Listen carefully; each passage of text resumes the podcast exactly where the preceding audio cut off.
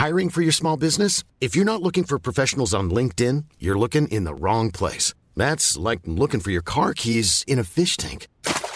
LinkedIn helps you hire professionals you can't find anywhere else, even those who aren't actively searching for a new job but might be open to the perfect role. In a given month, over 70% of LinkedIn users don't even visit other leading job sites. So start looking in the right place. With LinkedIn, you can hire professionals like a professional. Post your free job on linkedin.com slash people today.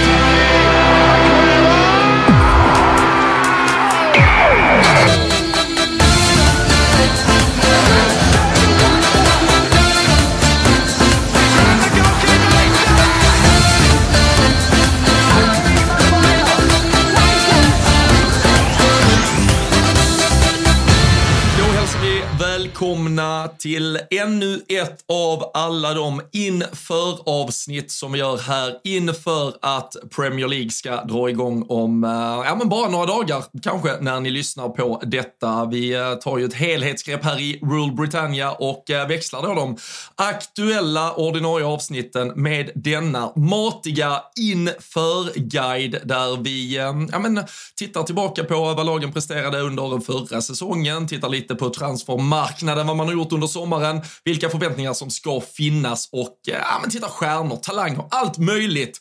Och eh, idag Fabian ska vi eh, titta på två United-lag, trean och fyran i eh, fjolårets eh, Premier League-säsong. Newcastle United och ditt älskade Manchester Det ska vi United. verkligen. Och eh, slumpmässigt, som vi såklart har dragit lott när vi ska dela ut de här lagen, så ja, men fick jag Manchester United och eh, ska väl se fram emot att se, för jag ser vissa som tycker att det är ett hybris på United Twitter också, så det ska bli kul att se dina tankar på om vi är odrägliga eller vad, vad det är som sker under Erik Ten Hags United där vi som sagt inte spelar träningsmatcher som man var väldigt tydlig med efter segern mot Arsenal, eller pulveriseringen kanske jag ska säga. Men vi börjar väl helt enkelt med Ja, kanske tillsammans med Fulham i min värld den största positiva överraskningen av alla. Eh, alltså Newcastle som till slut slutar på en fjärde plats och kvalificerar sig för Champions League-spel säsongen 23-24. Ja, men precis. Och eh, du, du nämner Fulham. Vi har väl nämnt eh, Arsenal tidigare också som ett av lagen som såklart överpresterade stort förra säsongen. Men, men Newcastle, sett till slutplacering, nog ändå i förhållande till förhandstips och så vidare, det laget som, som gjorde den, eh, den absolut största prestationen förra säsongen. Och eh, man eh, har ju såklart, som ingen har missat, fått in åtminstone möjligheten att spendera Saudi-pengar, men har ju än så länge inte gjort det på det sätt som kanske förväntades eller befarades initialt, utan det är ju ett, ett hantverk och ett bygge som man faktiskt har, har gjort med, med ganska rimliga medel när vi tittar i eh, förhållande till hur andra Premier League-klubbar spenderar. Och eh, framförallt så har man ju byggt det här laget eh, bakifrån, tycker jag, med en extremt solid defensiv.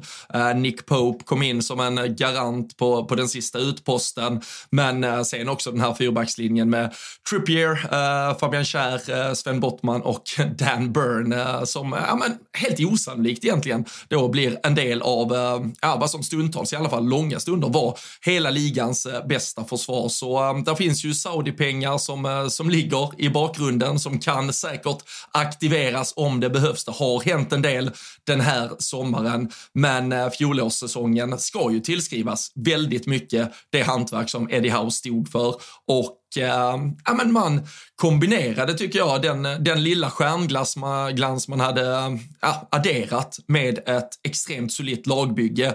Och eh, jag tycker att Kieran Trippier blir en spelare och lite symbolbild för hur eh, någon kommer in efter eh, ja, men ett par år, inte i, ska inte säga i periferin, men eh, som alltid när en engelsman lämnar för en annan liga eh, och eh, ett annat land i detta fallet och dessutom då lite eh, ja, men omtalad kring avstängningar och annat så, så tycker jag att Trippier kommer in som en ledare och, och leder det här Newcastle-laget på plan med Eddie House expertis från sidlinjen till, ja, men till oanade höjder. Och nu ska det ju bli spännande att se hur den här truppen som trots allt är oerfaren och omogen i det sammanhanget kan ta sig an ett Champions League-spel också. Men Eh, förra säsongen är såklart en, en säsong och det har vi pratat med Tobias Emmerdal som har gästat oss tidigare. Det är ju kanske den roligaste och häftigaste säsongen för Newcastle-supportrar på, ja men typ 20-25 år. Ja men något sånt och det som, det som sticker ut med de här värvningarna som du är inne på, alltså man tar Sven Bottman som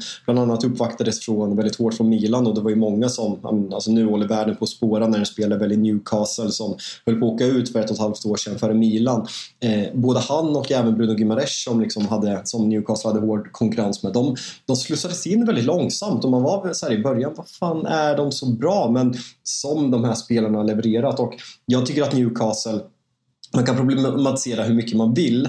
Det är inte dit jag vill komma, men jag tycker att sen alltså, Piff kom in och även Amanda Stanley eh, i ägandeskapen och strukturen, de har verkligen gjort allting rätt. Att de har skyndat långsamt. De började exempelvis med att i somras så, så tog man in Dan Ashworth from, eh, som liksom sporting director eh, från Brighton som har skördat väldigt stora framgångar med bra värvningar där. Så scoutingsystemet är extremt genomtänkt. Värvningarna har blivit extremt lyckade i stort sett allihopa och det är det här som gör när vi går in i den här silly seasonen och vi ska komma till värvningarna mer känd. Men man har ju förtroende för hur Newcastle agerar på transfermarknaden och ingenting talar för att det kommer bli sämre egentligen. Nej, nej så är det ju och, eh, och det som har, eh, har varit så, så, så häftigt i, i den resa som, som har varit rekordsnabb egentligen. Alltså vi pratar om ett, ett lag som på typ 18 månader har gått från att eh, slåss i den absoluta botten och som knappt visste hur det var att vinna fotbollsmatcher till att nu då den här sommaren vara kvalificerade för Champions League-spel och det är ju Eddie House återigen hantverk i detta.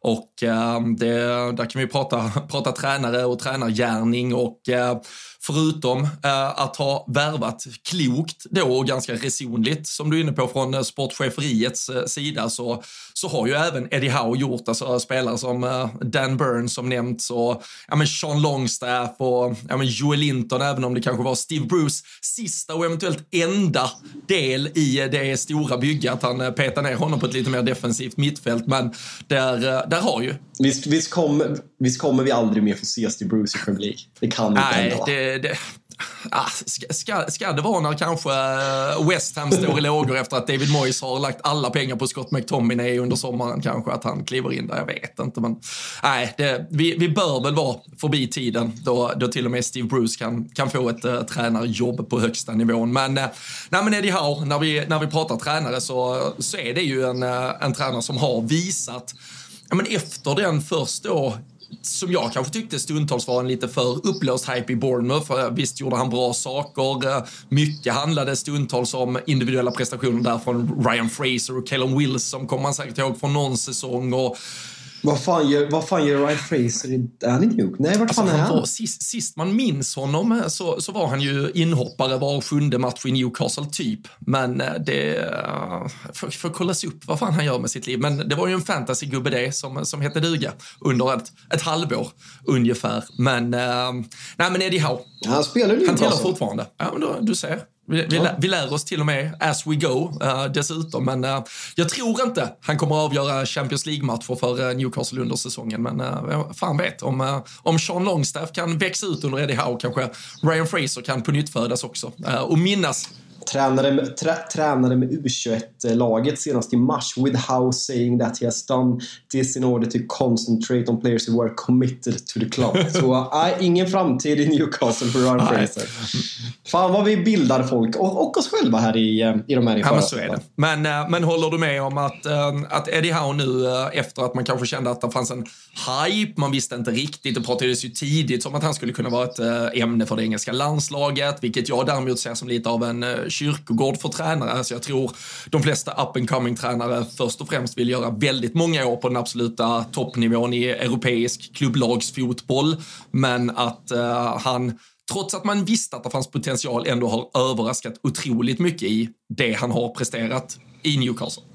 Men det, det, är kul med de här brittiska tränarna som på något sätt, han charmar ju folk. Det, det, krävs ju väldigt lite för en engelsk eller skotsk tränare för att charma människor med att de spelar en underhållande fotboll. Exempelvis Brennan Rodgers när han kom upp i i, i Skottland och sen gick till Swansea och sen tog Liverpool och var nära på att vinna den ligan. Vi har Graham Potter som spelade en väldigt trevlig fotboll med Brighton och liksom jag tror fortfarande att Graham Potter har en väldigt fin tränarkarriär framöver men även Eddie Howes gärning i Bournemouth. Det blir lätt att man hypar upp dem bara för att de är britter men jag tycker att Eddie Howe tycker på något sätt att att visa sig de här, han hade ändå ganska lång tid, om det var ett och ett halvt år som han var arbetslös. Det är ganska vanligt att de här tränarna tar jobb direkt. Men den här grejen att, jag kommer ihåg när Erik Ten Hag mötte dem och var frustrerad för att de liksom, det är det laget i ligan som har minst effektiv speltid. De är väldigt är cyniska, de är väldigt maskiga. Att Eddie Howe har liksom tagit alla sina bästa egenskaper från den här, om vi tar det här moderna egna spelet som är influerat av Pep Guardiola precis som alla andra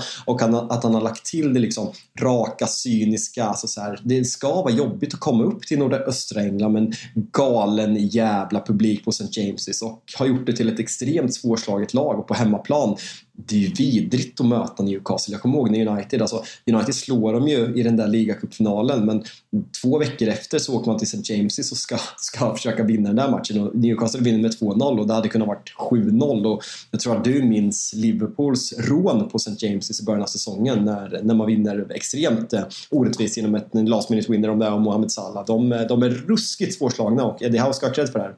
Ja, nej, det var, det, var, det var faktiskt på hemmaplan vi vinner i typ 98 minuten och då var det ju okay. alla de här tillägg, det var tilläggsminuterna på grund av just Eddie House cyniska fotboll och uh, maskande och det var Fabio Carvalho, den, den väldigt uh, nu förpassade till uh, frysboxen och nu utlånad till RB Leipzig också. Men han har ju uttalat sig om att han har någon liten beef med Jürgen Klopp så det är svårt att säga att han har en framtid och uh, sen vann vi ju faktiskt på St. James's när Nick Pope fick rött kort så tre, ja, vi måste ju varit det enda laget som tog en dubbel Fan, fan vad, do, fan vad, fan vad bra, bra exempel ja. av mig där. Där, där är jag stark. Där, där är jag stark. Men vi, vi, vi, klipper, nej, vi klipper inte. Nej, nej, jag ska hängas ut. Du ska absolut uh, hängas ut. Men uh, det var ju en viss skillnad också från uh, när ni mötte dem i ligacupfinal och i ligan. Det var något med målvaktsposten där i Newcastle har jag för mig. Just på grund av väl att vi då hade mött dem precis innan som gjorde att Just Nick ja, Pope just ja, Karius ja, vi, hade ju, vi hade ju hjälpt er. Vi hade sett till att Pope var avstängd för att ni skulle kunna triumfera.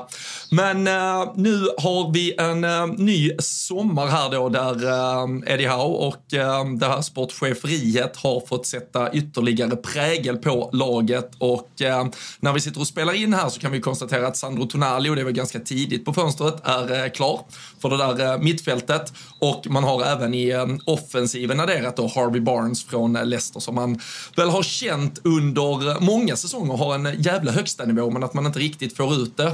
Vecka efter vecka. Även plockat in en anfallare från Odense, Jankuba Minte och eh, där har man ju såklart noll koll på vad vi ska förvänta oss. Och eh, än så länge så är det Chris Wood som har gjort eh, flytten till Nottingham permanent. Han var ju där på lån förra säsongen och så lär väl ungefär i samma sekund som eh, vi har eh, slutat spela in det här avsnittet eh, Alan Saint Maximin kanske har blivit klar för eh, någon av de här saudiska klubbarna också. Det är i alla fall det som ryktas väldigt intensivt när vi sitter här. Men eh, Sandro Tonali, en italienare som ska överleva i nordöstra England och eh, Harvey Barnes, är det dags för honom att äntligen få sitt riktigt stora genombrott för att han har höjd i sig, det har man ju sett när han eh, viker in från den där vänsterkanten i eh, Leicester också.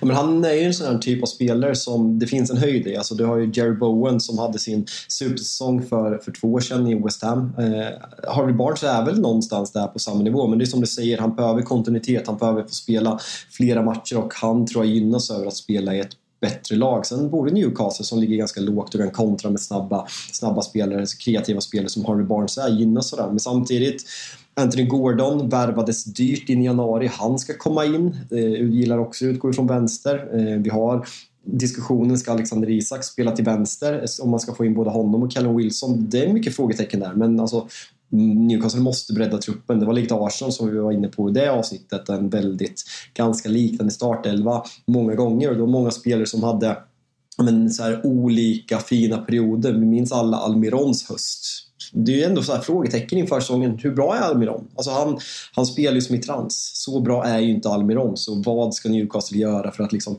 bredda de här positionerna? Så det, det kommer inte vara något dåligt. Och sen ska det bli väldigt intressant att se kommer första uppställningen på det här mittfältet vara nu Joel Linton, Tonali kanske i en, om vi, om vi pratar FM-språk, Tonali defensiv speluppläggare. Joel Linton bollvinnande mittfältare och Bruno Gimares som är liksom en, en blandning av allting. Är det liksom det vi ska tänka oss är start centrala trean i Newcastle eller vad tror du? Det, nej det ska det väl rimligen vara. Uh, att, uh, att Sean Longstaff uh, petar Sandro Tonali vore det sista slaget i varenda italiensk vurmkeps. Liksom. Då, då är det bara att, att hänga upp den och, och tacka för sig och, och, lägga ner allting med tanke på att Sandro Tonali ska, ska vara den som typ leder italiensk fotboll framåt kommande decenniet helst från deras sida. Men det, alltså det, det där är ju på pappret och i när man sitter här med ett par veckor till eh, premiär och sitter och laborerar och tänker så, så låter ju det där som ett jättefint mittfält. Eh, framförallt när man väger in vad Joel Linton faktiskt har presterat. Det, det var ju länge man satt och skrattade åt honom som eh, anfallare och allt han brände där och det letades positioner till honom och att han, att han skulle hitta hem i en, i en ny period. Det är ju också, alltså, i, i, i den moderna fotbollsvärld vi lever i, att det här med att göra om spelare är ju ofta aldrig tid och plats för. Utan funkar du inte där du var tänkt att funka efter tio matcher, ja då dumpar vi dig för då, då får vi gå på någon annan och då slänger vi upp 30 miljoner pund eller 50 miljoner pund på, på en ersättare till dig. Så det är ju ändå en historia i sig och där tycker jag också med en sån här som Dan Burn till exempel, alltså att det ändå finns plats för den här typ av spelare i ett lag som, som nu faktiskt är uppe och konkurrerar på, på absolut högsta nivå i både England och Europa. Det är ju det är sjukt häftigt, men jag tror också lite som du är inne på, jag tror Newcastle behöver nog addera ett par spelare till och där på, när jag tittar på vad de har kvar att göra på transfermarknaden tror jag ju att man behöver kanske då en, en ytterback eh, till till exempel. Man kanske behöver fylla på med ytterligare en mittfältare av lite högre kvalitet för att just inte alltså, eh, glappet ner ska bli för stort när du måste snurra på spelare, vilket du kommer behöva göra ifall du vill fortsätta etablera dig som ett topp 4-lag i England, men också vara med och på allvar faktiskt slåss ute i Europa nu när man äntligen har tagit sig dit. Ja, när, när, när man ser liksom rykten till Newcastle, förutom de som redan har värvat, så det kryllar inte av dem. Och det här som är lite frågetecken, det är som du säger, Saint Maximan som ryktas och det här har ju The Athletic bland annat skrivit om att flera Premier League-klubbar har börjat liksom, ja, men höra sig för och snudd på att lämna in en protest för att de tycker att det är tydligt att Saudi värvar av, alltså Piff värvar av sig själva för att balansera upp böckerna och liksom snygga till och göra det enklare för FFP. Men så här, priset jag har sett är 30 miljoner pund och fine, det kanske är någon miljon för mycket men samtidigt om en 29-årig Fabinho ska kosta 40 miljoner pund med säsongen han hade förra året, alltså med, med sen Max Mans flärd och hans högsta nivå, alltså 30 miljoner. Nej, det, det, det, är väl inte alltså, helt orimligt eller?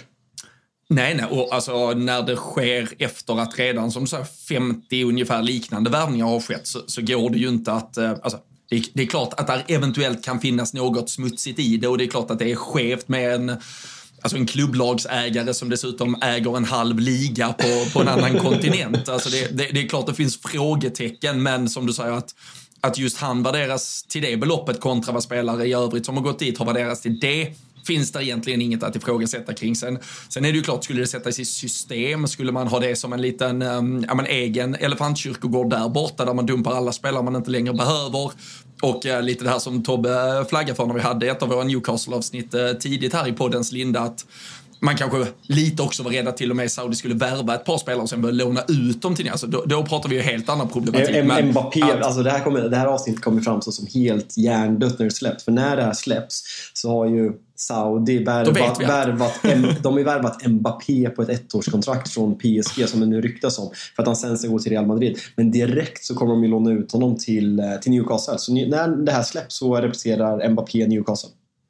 Se, ja, se det hända. Det... Se det hända se, se dig sitta med foliehatten där också. Vi, vi får se. Nej, vi, eh, får, eh, vi får se vad som händer med Newcastle, men, men spännande är det absolut. Och den som är den stora stjärnan i detta bygge ändå. Det tycker jag är, eh, och eh, här får ju du eventuellt komma med motbud, men det är ändå Bruno Guimaraes. Eh, en av ligans och förra jag hela stundtals, en av hela Europas bästa mittfältare. En spelare som de idag kanske nog aldrig hade kunnat vara, att han ändå valde att tro på projektet. Såklart också styrt av en pengapåse, men var ändå en alltså, lite under radarn. Det var inte så långt gångna förhandlingar eller diskussioner med så många andra stora klubbar, vad man i alla fall tolkade från ja, men utifrån. Och eh, idag tror jag att det är väldigt många klubbar som ångrade att man inte gick hårdare på honom när möjligheten till den här flytten fanns. För eh, nu är han den mittfältaren som leder Newcastle rakt in i den europeiska toppen. Och eh, sen kan jag tycka att en Kieran Trippier, för att återkomma till honom, visar med ett ledarskap att han kanske är den viktigaste spelaren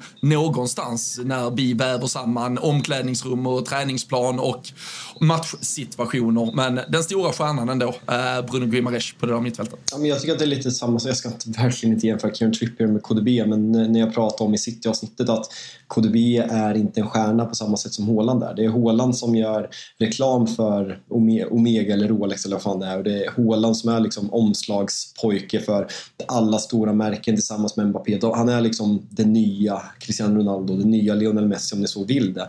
Och det är väl lite samma här. Nu ska vi inte ta upp Bruno Gimares på Haalands nivå heller men han är stjärnan och det jag gillar med honom är men kanske framförallt att han hanterar så fruktansvärt mycket. Jag gillar att han, han är väldigt passningsskicklig, han har det brasilianska och sen att han har verkligen grintan. Alltså så här, han är ett jävla svin på planen. Jag älskar att se fina fotbollsspelare som samtidigt har lungorna, de kan tacklas och sen samtidigt har den här jävla grisigheten. Så han, ja, men han har snabbt växt ut till en favoritspelare och sen är det ju så att man påminns varje gång man möter de här spelarna som man uppskattar att se när de möter ens rivaler. När, när, när man själv drabbas av det. Fan hur mycket man hatar dem just då. Men jag jag, eh, jag håller Bruno Grimmers jättehögt och det var väl ingen slump att nu kan ju inte Barcelona värva en...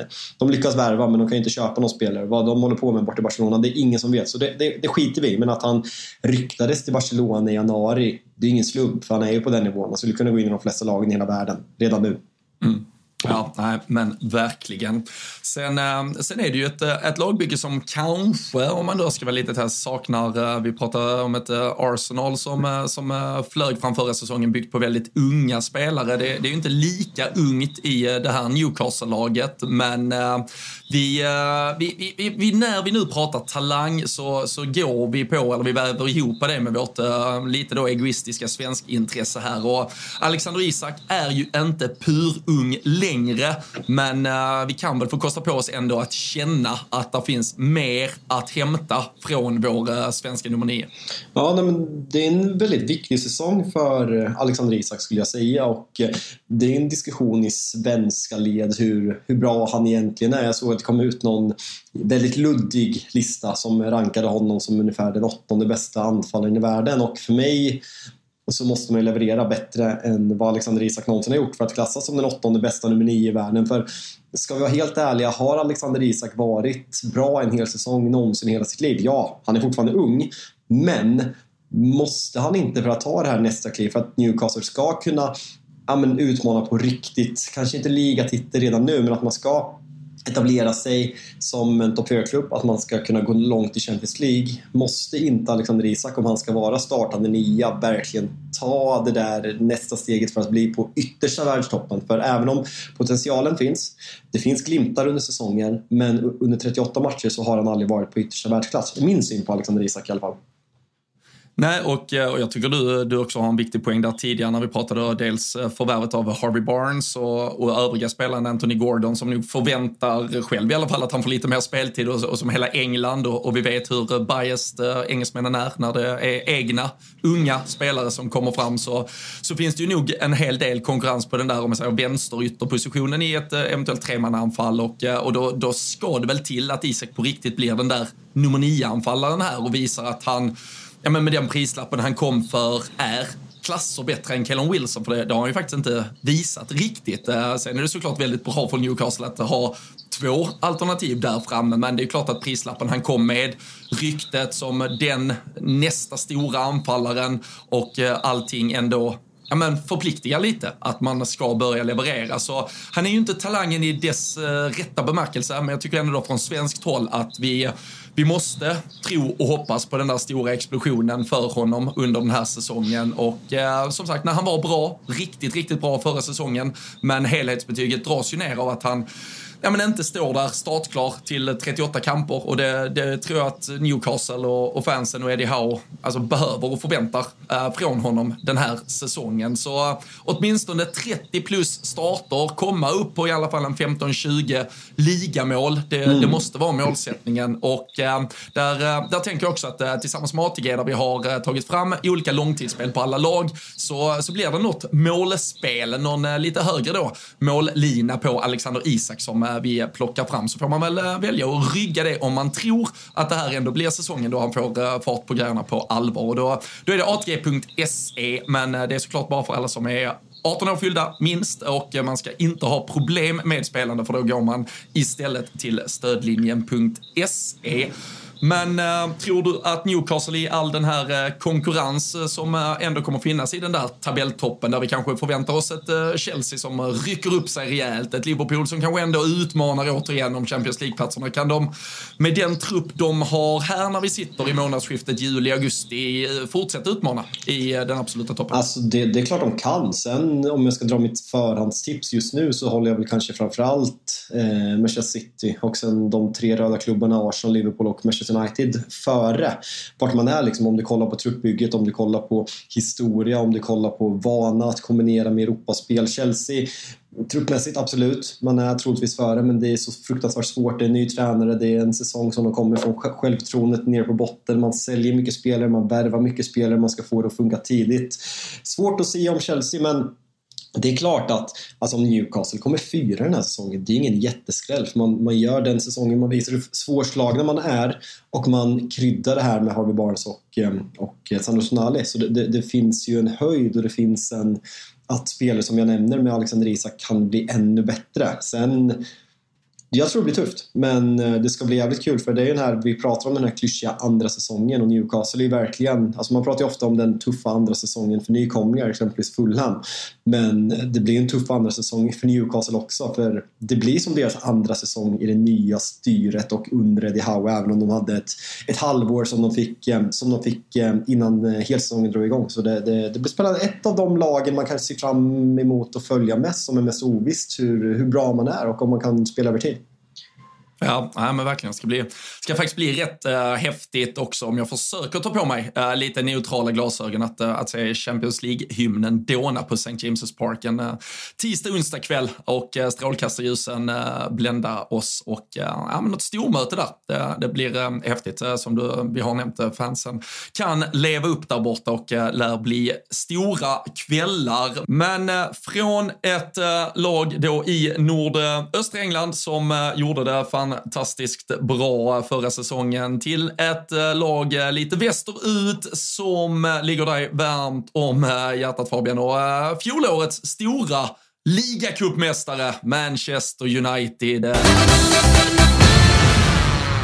Vi gör detta avsnitt i samarbete med Telia och det vi gillar med Telia Fabian, det är ju att man kan samla alla sporter på ett ställe och då menar vi verkligen alla hur eh, smart är inte det? Ja, i höst kan man alltså exempelvis kolla när Premier League och Champions League drar igång. Samtidigt som man kan följa slutspurten i Allsvenskan och gruppspelet i SHL. Med den grymma Telia Play-appen kan man dessutom se alla sporter, matcher live eller i efterhand om det blivit någon krock eller om man har varit iväg på något annat äventyr medan matcherna gick live. Och eh, vill man, eh, varför man nu skulle vilja det kanske, alltså ta en liten, liten paus från eh, all eh, sport som finns där ute så kan man ju såklart även plöja igenom hela det enorma utbud av eh, filmer och serier som finns på Viaplay och eh, Simor genom Telia. Och man kan, håll i hatten nu här Fabbe, alltså även lägga till HBO Max utan extra kostnad. Otroligt. Och då sitter folket där hemma och tänker hur saftig den här notan blir. Nej, men alltså det kostar ju bara 649 kronor i månaden, vilket gör att man alltså sparar över 500 kronor jämfört med om man köper alla de här tjänsterna separat. Nej, men det är eh, total succé och eh, ja, men samla sporten smartare, spara massa pengar. Det är Telia det, så stort tack till Telia. Uh, har du lyckats uh, smälta segersötman från uh, ligacupen ja, alltså hade vi bara vunnit den där FA-cupen så hade vi kunnat köra en bussturné som vissa andra gör för inhemska kupptitlar. Så uh, det var, vart ett kort firande, men det var ändå första, första titeln sen den där Europa League-triumfen i Stockholm. Så alltså, det, där är så jävla svårt som supporter. Alltså, vissa, det var en diskussion i United hur stort det är och för mig, jag tror att det är lite generationsfråga för, för många som eh, en yngre generationen som har kommit in nu så var det här, man är inte van att vinna titlar men för mig är liksom men ligacupen en, en titel som inte spelar, spelar någon roll. När United typ slog Tottenham om det 2009 samtidigt som man vinner ligor och prenumererar på Champions League finalplatser. Det var liksom en axelryckning. Eh, så jag har svårt att överlag fira en ligacuptitel. Är man på plats är det såklart en annan sak, men från tv-soffan är det fan svårt att ta till sig en ligacuptitel. Så det var väl någonstans där jag landade. Att jag, det var jättekul att vinna såklart, men fira den? Nej, inte alls. Nej, nej. Och uh, vi ska väl bara säga det här, det är, vi har kommit halvvägs in i uh, ett av de här då inför avsnitten. Vi har pratat Newcastle, ska prata Manchester United nu. Det, och det kan vara så att man tyckte att ljudet inledningsvis var lite svalt, men uh, det var lite, lite mickproblem från din sida. Men det är åtgärdat nu och vi trodde först att vi hade förlorat halva avsnittet här och då, då var det könsord och lite annat. Men uh, nu, är vi, nu är vi up and running i alla fall med, med rätt grejer. Så det, vi, vi ursäktar oss här halvvägs ifall ifall det är någon som har suttit och, och känt att fan är det här för jävla kvalitet på grejerna. Så det, men nu är vi, nu är vi tillbaka. Nu, nu är micken påkopplad och vi eh, går väl direkt in på Manchester United säsongen 22-23 egentligen och eh, pratar om Erik Ten Hags intåg i klubben och eh, även om eh, det liksom, ja, men slutade med en tredje plats och en, en titel. Så på förhand är det ju såklart jättebra. Och vi kan väl egentligen börja och prata om det bra med Erik den Hags första säsong. För den är, som jag sa, svåranalyserad och du ska få hjälpa mig. Även om vi kanske inte är de eh, mest objektiva när det gäller att prata om Manchester United med tanke på ditt och mitt supporterskap. Men eh, om vi börjar med det första han gör så är det, ja men situationen med att man torskar de här matcherna. Att han låter spelarna löpa och löper med tillsammans lika mycket som man sprang mindre än Brentford efter man börjar säsongen med ja, men två förluster. Och eh, det här må låta som poserande och det må låta som klyschigt men att som tränare för Ajax utan någon liksom erfarenhet på absolut högsta nivå, att, för det är en chansning. Alltså så här, hur kommer det här tas emot? Kommer han ses som en paja som liksom inte håller på den här nivån? Nu i efterhand tror jag att det är en sån här sak var väldigt viktig för Manchester United, men just där var man ju väldigt orolig och jag kan tänka mig att du som motståndarsupporter störde extremt mycket på skriverierna efter det här. Nej, men det, alltså det är ju som allt, alltså nu sitter vi med facit i hand och då kan man säga att det var det som fick allting att vända. Det hade också kunnat vara, och det, det visar väl på, på styrka i så fall eftersom han någonstans får lite rätt. Alltså ni gör ju en eh, bra säsong. Jag tror, jag tror ändå det, alltså, inte en enorm överprestation, men, men eh, hade man fått att det här var steget ni skulle ta under den första säsongen med Ten Hag så tror jag väldigt många hade varit ganska nöjda med det. Men det hade ju också kunnat vara efter eh, var det förlorade ni tre första? Eller i alla fall, ni vann i alla fall inte de tre första. Eller det var väl, och så hade ju den här Brentford-smällen. Ja, men det var ju torsk mot Brighton och Brentford i två första och sen så möter vi Liverpool. Eh, och den ja, var ju verkligen och, att, alltså förlust där på hemmaplan så ser det ju riktigt illa ut. Men han, han vinner ju den och vi, vi ska gå över mer på Ten Hag. Men andra saker som jag tänker på i början är ju framförallt alltså ja, men Rashford, när han är som hetast så, så petar han honom för att han eh, kommer för sent till samlingen. Och alltså att han visar på liksom, det är jag som bestämmer, det spelar ingen roll vem du är. Och sen situationen med Cristiano Ronaldo som känns som Ja, men jag, det känns som tre år sedan, alltså som han spelade i Manchester United. Men hela den här, ja, men hur det var innan, att han vågade bänka honom, något som Ole Gunnar Solskär aldrig gjorde, som Ralf Rangnick gjorde någon match. Och hela den här intervjun med Piers Morgan, hur, hur det hanterades och att Derek Den Hag visade, det är jag som bestämmer. Jag skiter i att du är Cristiano Ronaldo, att du är ja, men en av världens bästa fotbollsspelare om tiden, att du har flest följare på Instagram, att ditt marknadsvärde är viktigt för klubben. Jag skiter i det där, för jag vill vinna fotbollsmatcher. Men samtidigt, tillsammans med alla de här bra sakerna, så går det inte att komma ifrån resultaten på bortaplan. Det är alltså två, eller om det varit 3-6, jag kommer fan inte ihåg. Jag har förträngt så mycket från de här matcherna mot Manchester City i början. Det hade varit mer rättvist med 10-0, för City är helt överlägsna. Det är, mm. är det 0-5 på Anfield? Jag kommer inte ens ihåg. 0-6 kanske? Jag vet inte. Herregud, ja, ja, vi, vi, vi, jag kommenterar inte ens. Nej, och sen är det Arsenal. Det är 3-2, men Arsenal är fullständigt överlägsna. Det är torsk mot Newcastle, man blir pulveriserade. Man, blir, ja, men man, man vinner ju inte en match mot typ över halvan på bortaplan och det här är ju ett jättestort problem och något som behöver bli bättre inför kommande säsong. Så det är väl egentligen de här två sakerna som jag kommer ihåg mest från, från eller om vi tar tre sakerna, alltså cuptiteln, det är framstegen, eh, det är Ten Hags viktiga olika ageranden i viktiga situationer tillsammans med det patetiska bortaspelet. Ja. Nej, men jag, jag, tycker, bara för att äh, avsluta äh, diskussionen kring det, det är ju att alltså, han, får ju, han får ju trots allt rätt till slut. Som du säger, man kan, man kan kalla det puserande hit och dit med att gå ut och springa om det var 13 kilometer eller vad fan det var tillsammans med laget för att det var det man sprang mindre mot Brentford. Det gör, det gör jag varje dag Robin. Det gjorde jag i morse. Ja, jag vet. Det, du, du vet hur lätt det är. En, en annan känner att det, det vore en hel jävla omöjlighet. Det är ju inget drag jag kan köra med mina pojkar, nio i alla fall, för de hade kanske klarat det, men jag hade ju, jag hade ju dött halvvägs ungefär. Men, men, men allt det andra med att, eh, att bänka Rashford, att, eh, att stå på sig mot Ronaldo. När, när, när slutresultatet blir vad det blir, ja men då, då, får han ju rätt. Men det kunde ju också varit efter den där alltså, smällen mot Brentford, att han sen tvingar ut spelarna på extra träning, ut och löpa och du sen efter det får ja, men Bruno Fernandes och, och någon annan viktig spelare mot dig och de bara känner vad är det här för tomte som kommit in från dig? Och så underpresterar de och så får man, den, ja, men får man en fet smäll till mot Liverpool där i omgång tre och då, då är ju allt förlorat. Men alltså så här, han gjorde det, han fick rätt, han fick i alla fall tillräcklig effekt och han står där idag med ännu bättre förutsättningar den här sommaren att fortsätta bygga vidare på någonting i det där Manchester United. Det ska ju också sägas att skillnaden från den där Brentford till den där United eller Liverpool-matchen var väl också att Casemiro blev, blev klar. Han spelar väl inte det, men jag tror han presenteras eh, inför eh, den där Liverpool-matchen och eh, det är klart att det var en, ja, men en nyckel och en bricka i att få lite ordning på åtminstone defensiven i det där United-laget också. På, på tal om poserande, kommer du ihåg den här nyheten som, som kablades ut efter Casemiro satt i Madrid och såg den här matchen mot Brighton? Eller Brighton och Brentford. Brentford, ja, att uh, det, ja, men jag, jag löser detta. Jag, jag, jag, löser det. jag löser detta, sa han till agenten. Ja.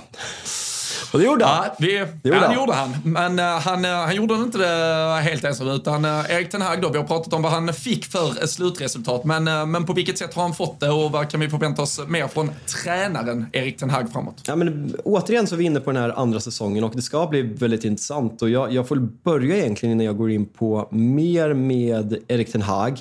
Han har ju fått extremt mycket kärlek av Manchester United supportrar tack vare liksom ja, men den förra säsongen man gör. Och min fråga till dig om du ska försöka prata från ett neutralt perspektiv och lite utanför mig som är mitt inne i det. Har han hyllats för mycket för att vi Manchester United-supportrar är svältfödda på framgång eller är hyllningarna rimligt? Alltså jag tycker väl, eh, nej men det, det är väl rimligt. Alltså han, han gör ju tillräckliga resultat och ni, ni lyfter som säger en, en pokal igen som var typ sju år sedan. Eh, även om eh, du är van vid att man vinner snarare sju pokaler per säsong än att det tar sju år mellan dem.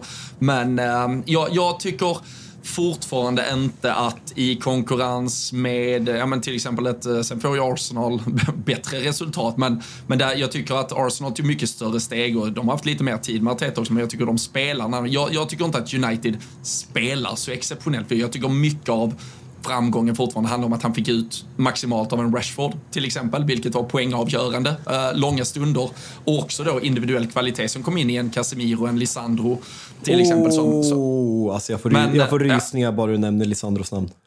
Ja, men jag, jag ser fortfarande inte er eh, som ett lag som har en... Man hade inte kunnat ta på er vita tröjor och eh, bara slått på tvn och sett att det där är Manchester United. Jag tycker inte han har satt den prägen och uh, injicerat det DNA än er. Sen kanske det behövs några värvningar till. Nu får ni ju en förändring, framförallt stor på målvaktsposten med en Onana som eh, är klart mycket mer fotbollsspelare också än eh, David de Gea och det finns väl en, en Mason Mount som ska in och bli en viktig nyckel och länk och en nummer nio som kanske har blivit presenterad när vi sitter eller när folk sitter och lyssnar på detta. Men ja, det, det saknas pusselbitar eh, för att jag ska känna att, ja, man helt ser vad Erik Ten Hag vill med det här United. Och det är en jävligt fin brygga in på min andra del när vi pratar om Erik Ten Hag att jag tycker att stundtals så såg man väldigt fint spel av Manchester United och man såg vad han ville men sen det är lätt att glömma vart Manchester United var eh, innan Erik Ten Hag kom in. Den här säsongen med Ole Gunnar Solskär som Ralf Rangnick kommer in och liksom totalfotbollen och gegenpressens eh, lands, landsfader och vi är så jävla dåliga. Alltså det är på nivå i skrattretande med vad Chelsea var den, den gångna säsongen. Och det var ja, men så fruktansvärt dåligt. Och det är det som gör att man håller Erik Ten Hag ännu högre. Och han, jag tycker att man verkligen ser på transfermarknaden. Förra året fick han värva Lisandro Martinez, han fick värva Anthony från Ajax som han hade haft tidigare.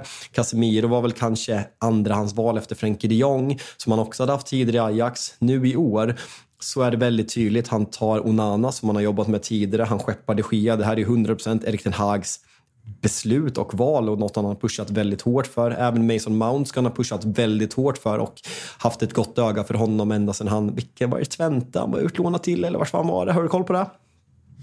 Ja, alltså Vitesse har ju alla ja, Chelsea-spelare ja, men det, ja, men det, var, det, var, det, var, det var Vitesse, det stämmer. Det stämmer. Ja. Det stämmer. När eh, Erik Ten Hag mötte ju Mount i hans premiär där, om jag inte helt fel ute, så Erik Ten Hag har haft koll och hållit Mason Mount högt väldigt länge. Så jag tycker att det är kul att se det här hur man, eh, hur man eh, satsar och ger Erik Ten Hag han spelare de han vill ha. Och det här är en diskussion som finns ganska länge. Ska man vara klubbstyrd? Ska man vara tränarstyrd? Hur, kolla bara på Tottenham. Tottenham värvar massa 38 wingbacks, alltså åldrade wingbacks för att det skulle passa Antonio Conto. Nu står man med en Agne Postosoglu, eller hur man uttalar det, som troligtvis inte alls kommer spela femback. Så det, det är ju en farlig väg att gå. Men om man tar sammanfallet på de här spelarna, Lisandro Martinez, Casemiro, Anthony, Onana och Mount känns ju som spelare att vilken tränare som än kommer, de är inte så systemdrivna. De är bra fotbollsspelare i grund och botten som även kan spela i framtiden, även om den inte innehåller Erik Ten Hag. Mm.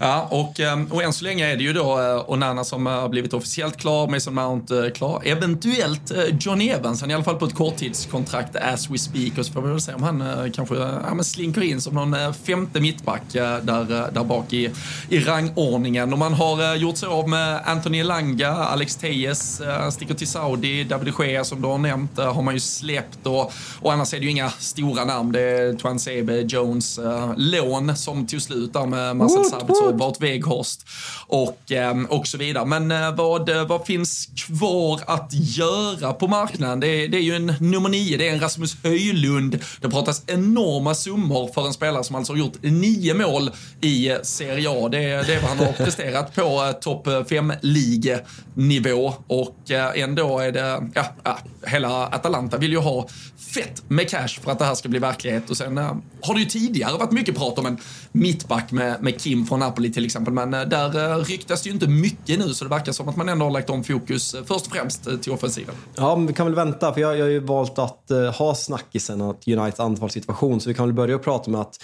ja, men vad som ryktas ut. För det har ju varit den här eviga snacket om att de har 100 miljoner pund att spendera. Man är ganska hårt reglerad av FFP. Man fick även böter tidigare i somras tillsammans med Barcelona även om det var en väldigt liten överträdelse och väldigt litet bötesbelopp så har man problem där som man måste sälja för att kunna värva. Man har fått in 15 miljoner pund för Anthony Langa när vi spelar in det här. Och de som ryktas kanske framförallt som det finns ett värde i är ju Harry Maguire som West Ham har fått ett lånebud nekat på. Det är Donny van de Beek som var tillsammans och firade hans träningsmåls... Eh, nej just det, vi spelar inte träningsmatcher. Han firade sitt mål. Han firade sitt mål som att han hade vunnit ett stort mästerskap. Och sen utöver det den ständiga duon hackkycklingarnas hackkycklingar McFred. Som eh, bland annat Fred har ryktats lite till fulla, McTominay har ryktats till både Newcastle och West Ham. Och det är väl här någonstans United måste börja för att kunna fortsätta eh, fortsätta den här sommaren. Ab Abrabat som gjorde en jävligt bra VM för Marocko, eh, som gjort en bra säsong i Fiorentina också, ryktas lite om man vill liksom bredda det där mittfältet. Så eh, det blir spännande att se, för United har ju en historia av att vara usla på att sälja spelare. Daniel James blev väl typ klubbens tredje eller näst dyraste övergång genom tiderna när han såldes till Leeds, vilket säger en del. Han, eh, Ronaldo till, eller Ronaldo och Lukaku Nej, så här, nu är jag fel ute. Ronaldo är dyrast och sen är det Lukaku och Di Maria, men jag tycker knappt de, de räknas. För när man värvar så dyrt och ställs för att man floppar då, och klubben går massivt back på dem, då ska man knappt räknas. För förutom det är det liksom David Beckham för, för 20 år sedan. Och, eh, och eh, sen kommer Dan James där, vilket säger en del om hur usla Manchester United har varit på just att sälja spelare. Ja, McTominay äh, läste jag här på morgonen när vi sitter och snackar att det var 40 miljoner pund äh, ungefär snackas om äh, till West Ham. Och det, jag kan säga att om West Ham ersätter Rice med McTominay, då har David Moyes fått sparken ganska tidigt i höst. Men det, vore, det vore kul att se McTominay försöka styra och ställa ensamt på det där West Ham-mittfältet. Äl, älskar Men, McTominay. Otrolig spelare. Ja. Men, vi går, vi Men du, går, ja. ja anfallspositionen där, Höjlund räcker det? Är han, eh, kan man eh, starta honom med 35 plus matcher och så kommer han bara lösa allt? Offensivt alltså, för er? Alltså det är väl här som är liksom uh, eh, 100 million question. Att det är svårt. Alltså det, det, finns inget värde i marknaden. Hur många anfallare finns på marknaden som direkt kan gå in och leverera? Uh, Harry Kane är den enda, men han kommer inte gå till Manchester United hur mycket man än vill. Och det är lite det här, om vi är inne på Erik Ten Hags första år. Alltså United hade enorma problem med målskyttet. Jag tror man nästan gör hälften av målen vad Manchester City gör och även ja, men Arsenal som är där uppe och gör väldigt mycket mål. Uh, och det är väl det här som var det stora problemet problemet att när Marcus Rashford inte levererade så hade man väldigt svårt att göra mål. Jag vill ju tro att en spelare som Anthony, som jag inte alls blev lika imponerad som vissa Manchester United-supportrar blir. Jag vill ju tro att hans poängskörd kan öka lavinartat om man får in en högkvalitativ nia. För jag, eh, jag orkar inte se Anthony Martial. Jag vill att han lämnar. Jag är så fruktansvärt trött på hans kroppsspråk, hans ansiktsuttryck och hans förbannade jävla skador. Och det är det här som är grejen med Rasmus Höjlund, att han, han har en potential, han har egenskaper som Erik den Hag gillar och han har liksom potentialen att växa ut och samtidigt så kan man alternera, man kan spela Marcus Rashford Rashford där. Erik Ten Hag prövade att spela Jadon Sancho i träningsmatchen mot Arsenal och har sagt i en intervju direkt efter att han ser honom mer som en central spelare, antingen som en falsk nia eller som en ersättare till Bruno Fernandes när han vilas eller roteras. Så jag, eh, jag gillar tanken på en Rasmus Höjlund som kanske inte är redo att spela 35-38 matcher, för det finns alternativ där och sen långsiktigt ska han ju förhoppningsvis växa ut. Och jag gillar även Uniteds agerande på transfermarknaden där man liksom, likt med Mason Mount, till slut bara sätter man ner foten. Nu kommer inte betala de här summorna, det är helt orealistiskt och Atalanta har ju redan tagit in vad som ses som en ersättare. United är överens med Höjlund om de personal terms Eh, jättenödvändig anglicism av mig där. Det är jättesvårt att säga på svenska. eh, men känslan är att United har lärt sig av tidigare misstag under Woodwards ledande och att det här kommer bli klart. För alternativen som finns är liksom ja, men, Ramos från Benfica, man har Kolomoani. Eh, det, är så här, det är också runt yarden. Och det är så här, är de bättre? Nej, det vet fan. Så det, det är det som är svårt med anfallare på marknaden. Osimhen är alldeles för dyr. För det Lorenzo ja. vägrar liksom sälja. Ja. ja, vi får se. Kika där som du säger. 58 mål gjorde ni i ligaspelet förra säsongen jämfört med City 94, Arsenal 88, Liverpool 75, Brighton 72. Ni gjorde lika många som Brentford, också 58 eh, till exempel. Så, eh, kanske, slår, du, kanske slår de i år när Tony är borta dock, halva säsongen. Ja, det, och så gjorde de ju fyra mot er bland annat, så de kanske inte får, de kanske inte får det lika lätt eh, den, den här säsongen. Men hur många mål, för det är faktiskt ett av spelen jag har suttit och kikat på lite på ATG när vi pratar långtid framtidsspel och eh, det finns ju där för alla som är 18 år fyllda och eh, annars finns ju stödlinjen.se ifall man har problem. Jag, jag kikar lite målspel på Mason Mount. Tror du ni kan eh, få igång honom med lite målskytt också? Att han kan bidra uh, lite second strike och komma in farande i boxen? Ja, jag, jag hoppas verkligen det. Sen ska det bli kul att se. Alltså, om vi kollar matchen mot Arsenal så hade Bruno Fernandes låg lite framför honom, eh, vilket kommer öka såklart chanserna för att Bruno Fernandes gör mycket mål. Men Mason Mount kan ju alternera väldigt mycket och är en väldigt flexibel och rörlig spelare. Så det ska bli kul att se rollen men liksom, kan det slå väl ut? Och vi minns, jag tror han är 10 plus 10 säsongen 21-22 för Chelsea, eh, när man även vinner Champions League. Så det, det, det, ska bli jävligt kul att se Mason Mount. Jag tror att du kan vara något inne på det där när du har kikat på det där spelet. Eh, men mm. Eh, vi går väl över och pratar om Manchester Uniteds största stjärna. Och Ja, man skulle kanske kunna säga Bruno Fernandes om man pratar om att leverera över tid. Men eh, killen är från Manchester. Han är eh, snart adlad. Han är eh, doktor på Manchester University. Han är MBI. Han är världens finaste människa. Han är typ världens bästa... Nej, jag skojar. Det är Mark Rashford. Och han, som jag förstod han vann Ballon d'Or i februari också va? Om jag, bara för att vara helt på det klara. Ja, allt han uträttade förra säsongen. Jajamensan. Världens bästa fotbollsspelare i februari 2023. Marcus Rashford. Och, Men hur, ja vad fan ska det bli av honom? Blir han... Uh leder han er till eh, uh, världsherravälde? Nej, men det är det här som är avgörande med Marcus Rashford, hur man ska summera. Jag såg att det kom ut, när vi spelade in där, så kom det ut de här snabba frågorna som Gary Neville ska släppa ett overlap med Marcus Rashford. Det ska bli väldigt intressant att höra vad han ja, men säger om livet, för jag har aldrig sett liksom en ja, men så, ja, men som The Overlap brukar vara, en sån öppen och ärlig eh, intervju som, som Gary Neville brukar göra där och sitta, höra Marcus Rashford prata en timme ska bli jävligt intressant. Han pratar bland annat vad han helst spelar, hur han ser på att spela till vänster, hur han ser på att spela centralt kontra till höger. Och eh, nu har han skrivit det här kontraktet, han blir en av Premier Leagues bäst betalda spelare och för att liksom ta klivet i en klubb som Manchester United, han måste börja vinna titlar för att bli ihågkommen som en av de största. Jag tror ju nu med det här nya kontraktet, med hans nya form, att Erik Ten Hag har gjort honom till en bättre spelare, att det där målrekordet som Wayne Rooney har kan vara borta när vi summerar Marcus Rashfords karriär. Men som jag varit inne på tidigare i den här podden, det är nu det gäller. Det är nu han måste börja leverera över tid. Det räcker inte att göra 30 mål en säsong. Det räcker inte med att ja, men, vara bra några matcher. Du måste börja leverera över tid. Du måste bli en Eden Hazard, du måste bli en Mohamed Salah, du måste bli en Cristiano Ronaldo 0708. Alltså på den nivån, det finns där, men du måste upp i det över tid. Och han känns som att han har det mentala på rätt plats och det ska bli jävligt spännande. Men det är klart att det finns frågetecken. Att han gör en bra säsong, skriver på det här kontraktet. Jag tror inte Rashford kommer bli mätt, men är han tillräckligt bra för att lasta den här rollen? Jag, jag vill ju tro det och jag är jättefärgad som supporter. Jag har alltid trott på Marcus Rashford, men det är klart att det finns frågetecken, självklart. Ja, nej, det ska bli... Uh för er del förstår jag i alla fall att eh, alltså, ni, ni har ju sett eh, högsta nivån. Ni har eh, säkert också suttit och slitit hår och förbannats och tjurat över skadeproblematik som har kommit på de minst önskade tillfällena också. Så, ja, vi, vi, vi, såg ju när han var riktigt bra hur, hur viktig han kan vara för det här United-laget. Sen, sen kan man väl lite taskigt säga att han var kanske lite för viktig, alltså, om så procentuellt för er, när han var som allra bäst. Det var, det var väldigt mycket bara han som skulle göra det. Och eh, det är klart att det kanske behövs en mix och en liten avlastning för att han, eh, han också ska kunna känna lugnet kanske, att inte behöva prestera alltså på det sättet varje vecka och det, det kanske över tid kan ge honom en högre, ja, men högsta nivå kontinuerligt länge och ja, att ni får ut maximalt. Men eh, i ett eh, sånt här då eh, ja, men, stjärnbygge, det är ju alla de här lagen. Är där eh, plats till något uh, ungt, spännande och talangfullt som vi kanske inte som gemene man har uh, koll på inför kommande säsong? Ja, men här tänkte jag gå på lite, ett litet hipstrigt val. Ehm, eh, ni får låta mig göra det, för det är klart att det finns talanger, men alltså, så här, många av dem är redan etablerade och har liksom kommit upp i A-laget och presenterat sig. Men jag har valt att Eh, förklara lite och berätta lite om Kobe Maino som är född 2005 i Stockport, Manchester. Och eh, han har debuterat för A-laget tidigare, men det var väl kanske efterdyningarna efter den här matchen eh, som spelades mot Arsenal eh, på försäsongen. Eh, men notera att jag säger matchen, Robin. Absolut.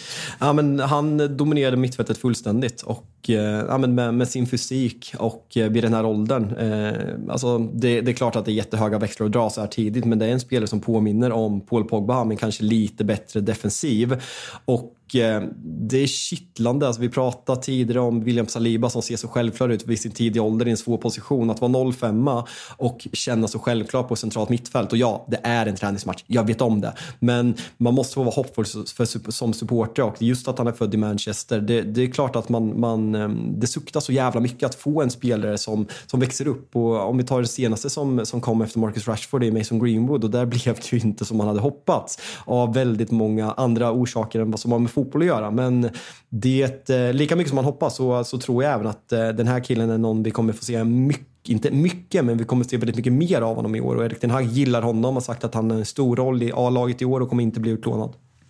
Nej, Nej jag såg det, det fladdrar till lite här på mina sociala medier efter då. Äh, såklart, äh, hypen, äh, det, det, det, dras alltid växlar. Alla börjar, det, alltså alla börjar alltid med att man ska inte dra växlar av försäsongen och sen så dras det ju växlar. Alltså, så, så, så varje tweet ut. Vi ska inte dra några växlar, men den här killen, och det var men. det ja, men jag, jag tror han kommer få, jag såg någon som skrev att men han kommer nog eh, spela 10-15 matcher den här säsongen. Alltså är, är det på den nivån kan vi säga, alltså Premier League-starter från honom. Alltså, nu måste ni ändå nu är ni ju faktiskt ett lag som ni ska slåss i den absoluta toppen. Det kan, vi kan ta oss sömlöst in till vad du förväntar dig inför nästa säsong. Men kan en sån här gubbe vara med i ett United-lag som ska försöka gå kanske långt i Champions League? Ni ska fortsätta etablera er i toppen av Premier League.